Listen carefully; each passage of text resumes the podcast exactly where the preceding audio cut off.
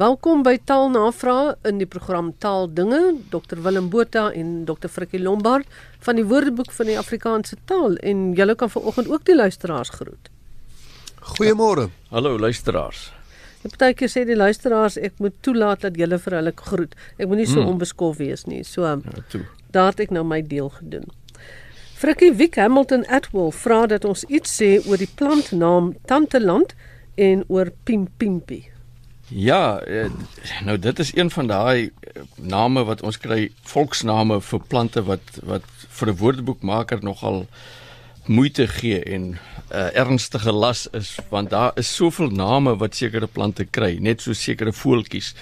En 'n mens weet later nie waar moet jy jou definisie plaas nie. Nou 'n tante land is maar net een van die name wat gegee word eintlik vir die koningskandelaar Brunsvigia orientalis is die taksonomiese naam. Ander name wat daarvoor gegee word is 'n uh, kandelaarblom, net kandelaar, 'n uh, tanterletant, lantanter, maartblom en toetlantern. Nou, ek het 'n bietjie gaan rondsoek om iets te wete te kom oor die herkoms van wat waar kom tante land of lantanter of tanterletant dan vandaan. Nou volgens Boshoff en Ninaber se etimologie woordeboek is dit gewoon dialekties vir die sambreelblom. Nou dis nog weer 'n ander naam en dis 'n heel ander tipe blom. Uh Hessia stellaris. Die blom lyk na oopgemaakte sambreel met sy speekies. Wat hierdie koningskandelaar wel het is ook sulke speekies en die blom werk so as hy as hy uitgeblom is en droog raak dan rol hierdie speekies as dit ware hy breek af en hy rol en so versprei hy sy saad. En dit bring my by 'n volgende moontlikheid wat genoem is oor die naam en dit is dat lantanter eintlik of tanteland tanteterland is dan 'n verbastering van lanterfanter. Nou 'n lanterfanter is 'n rondloper en om rond te loop self is dan lanterfant. Nou hierdie plant is op 'n manier wat hy so rol en op sy eie begin rondloop is dan uh, iets van 'n uh, lanterfanter wat kan lanterfant. Dit is soos ek sê 'n moontlikheid. Ander dinge wat genoem is is dat lantanter gewoon beteken kandelaar, maar ek kon nie vreeslik bewysmiddels daarvoor vind nie. Nou wat betref die volgende een, die pimpimpi, dit word verklaar in die woordeboek by pempempi en dis nou weer een van daai plante wat verskillende name het. Uiteindelik is dit maar 'n soort berglelie wat wild groei in uh, distrikte met strawwe winters en hy het sulke lekker helderrooi buisvormige blomme op 'n vertakte bloeisteel. Sover ek kon vasstel is dit dan van die genus Chasmante floribunda en daardie floribunda is die soortnaam en hulle behoort tot die familie Iridaceae, maar ek kan regtig nie uh, ek kon nie vasstel waar pempempi of pimpimpi vandaan kom, hoekom die plant so genoem is nie. Miskien is daar van ons luisteraars wat ook in die verband vir ons meer breedvoerig kan onderrig. Goed, ons stap nou uit die tuin uit en ons gaan na Willem toe wat 'n vraag van Willie van Tonder moet beantwoord en hy wil graag weet waar uitdrukkings soos Dick, Tom and Harry en Jan Lap vandaan kom. Tom, Dick en Harry is eintlik 'n Engelse uitdrukking en dit beteken maar net almal. Omdat Tom, Dick en Harry baie algemene name is in Engels, so as Tom, Dick en Harry daar is, dan is dit omtrent almal want daar is baie Toms en Dicks en Harrys. Maar die Afrikaans hiervoor is eintlik Jan Rap en sy maat wat ook dan beteken almal. Maar interessant genoeg Jan Rap was vroeër Jan Rappig. En rappig beteken skurf of vuil en nog voor dit het dit beteken 'n gespuis. So Jan Rap en sy maat was eintlik 'n klomp slegte mense, die gespuis. Omdat nog voor dit het rappig eintlik beteken afval, saamraapsel. So aanvanklik is dit gebruik om na 'n klomp slegte mense te verwys, 'n gespuis, maar deesdae beteken dit net almal. Nou die volgende vraag is waar kom Jan Lap vandaan? Nou dis ook interessant want Jan Lap is eintlik deur volksetimologie gevorm van Jalap. En Jalap is 'n wortel van verskeie plante wat as kragtige purgeermiddel gebruik word, maar dan veral die wortel van die Meksikaanse plant Ipomaea purga. Nou purga kan jy daar erken as die stam van purgeermiddel en ek wil die gevolgtrekking maak dat jalap afgelei is van Jalapa 'n stad in Mexiko. So miskien is hierdie plant vir die eerste keer ontdek naby Jalapa. En Jalap het toe nou geword Janlap in Afrikaans. Dit laat dink my aan Kreti en die Pleti wat ook min of meer beteken Tom Dick en Harry of Jan Rapp en sy O, maat. oh, jy kan dit by En en die Kreti en die Pleti het ek nou al agtergekom. Ek kan nie dink dat iemand vir wie ek dit al gebruik het, weet waarvan ek praat nie. En vir my is dit so 'n algemene woord. Hmm, nou weet ek nie of dit 'n Gautengse en 'n Weskaapse um, gebruik is nie, maar hier rond ken mense nie die Kreti en die Pleti nie. Ja. Ons kan volgende keer wel daaroor praat want dit is 'n interessante Ja, herkoms ek dink ons het al maar is baie interessant. Ja. Ja. Goed. Frikkie Koos Rautenbach vra of die vervoerband by 'n lughawe nie 'n tastrein genoem kan word nie. Ja, uh, Kosse het eh, 'n uh, gesprek gehad met 'n gereelde reisiger en hulle het toe uh, so 'n bietjie gepraat en die idee van tastrein het uh, ontstaan vir die vervoerband wat dan nou die tasse vanaf die vliegtuig na die toeriste kan, kan bring of na die mense wat die tasse moet ontvang. Uh nadat jy jou tas nou ingeboek het op die vliegtuig. Nou, ek het toe 'n bietjie gaan uh, speurwerk doen tastrein kry ek nou nie uh, elders nie. Dit, dit maak nog nie die woord ongeldig of wat hy nie kan bestaan nie. Maar normaalweg vir die Engels conveyorbelt gebruik ons laaiband of vervoerband of lopende band. En toe ek gewonder of 'n mens nie met bagasie moet werk eerder as tasse nie want daar is baie keer nie net tasse nie, maar allerlei ander vorms van goed wat vervoer word en ons kan dit miskien in die, onder 'n sambreelterm soos bagasie kan ons dit inrangeer. Uh en toe het ek gedink uh wat van bagasieband vir hierdie uh ding wat die tasse vervoer. En ek was in my skik by myself totdat ek gaan soek het op ander plekke in in ander bronne toe het ek wel gevind dat bagasieband reeds gebruik word. So tastrein kan werk. Uh ek sou eerder van 'n bagasieband praat in die verband. Jy weet dis baie keer so stadig en mens was wag so lank met daai band vir jou tas dat ek eintlik dink 'n mens moet eerder 'n tas trem doen.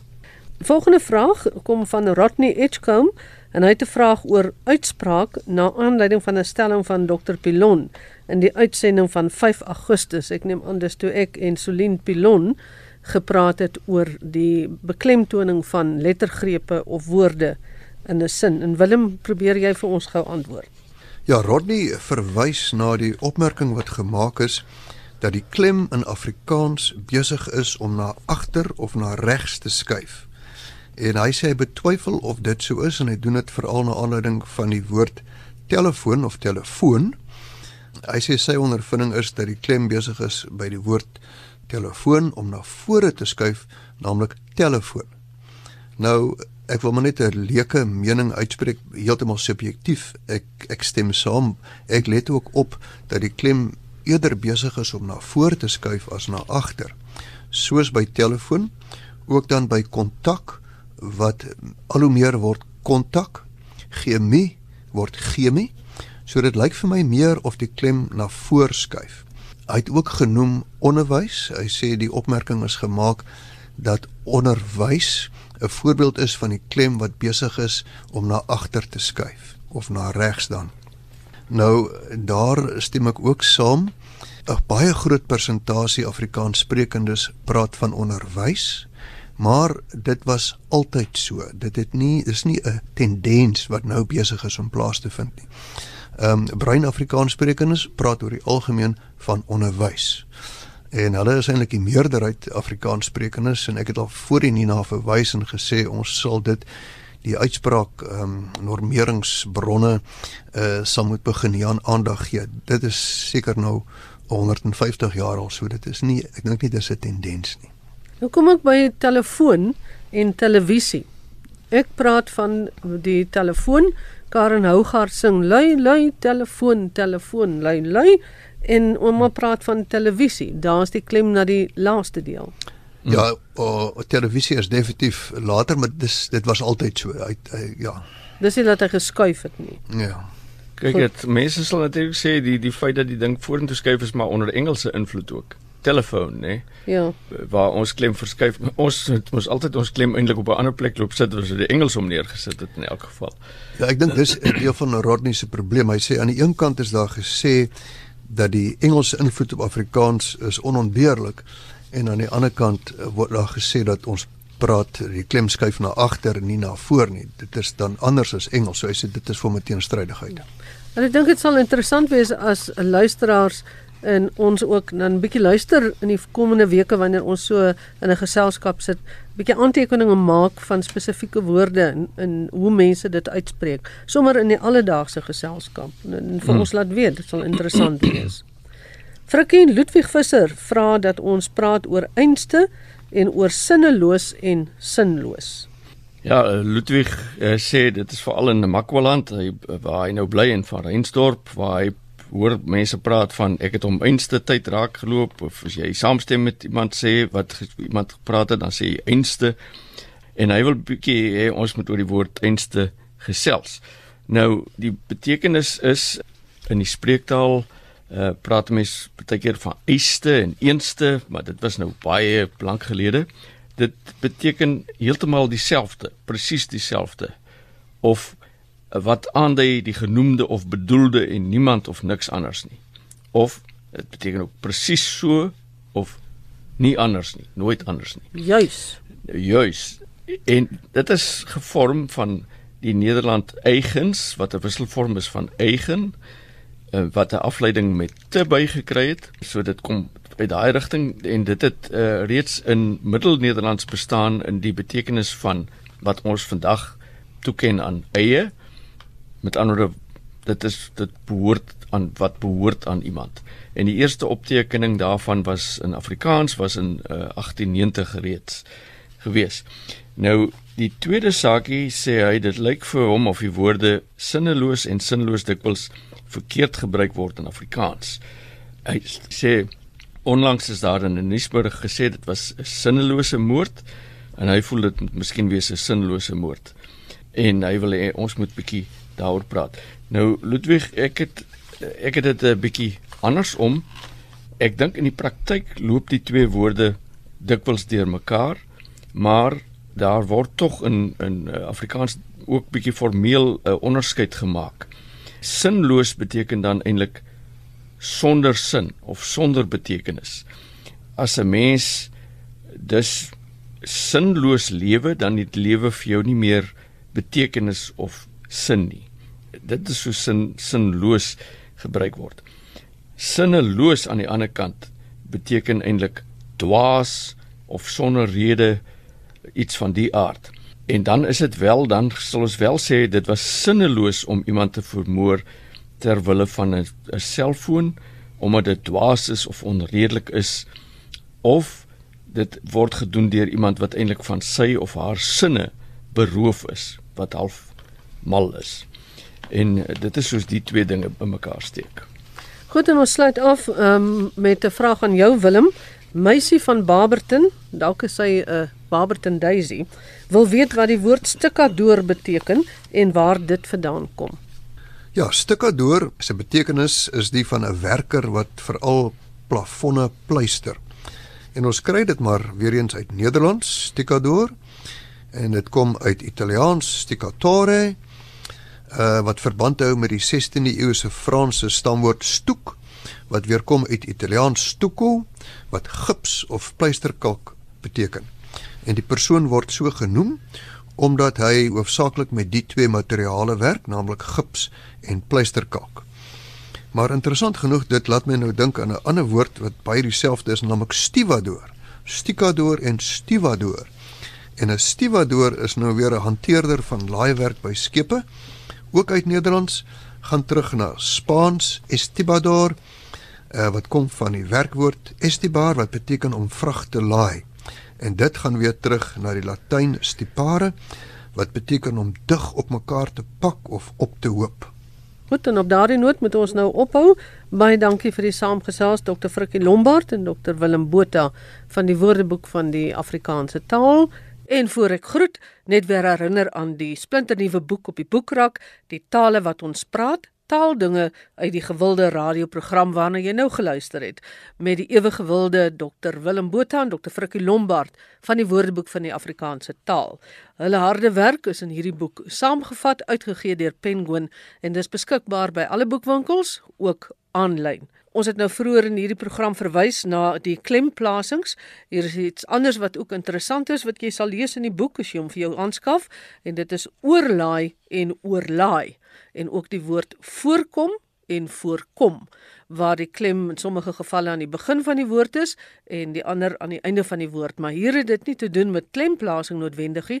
Dit het eerder te doen met uh, oorganklike en onoorganklike werkwoorde. So gaan lees gerus wat die betekenisverskille daar is.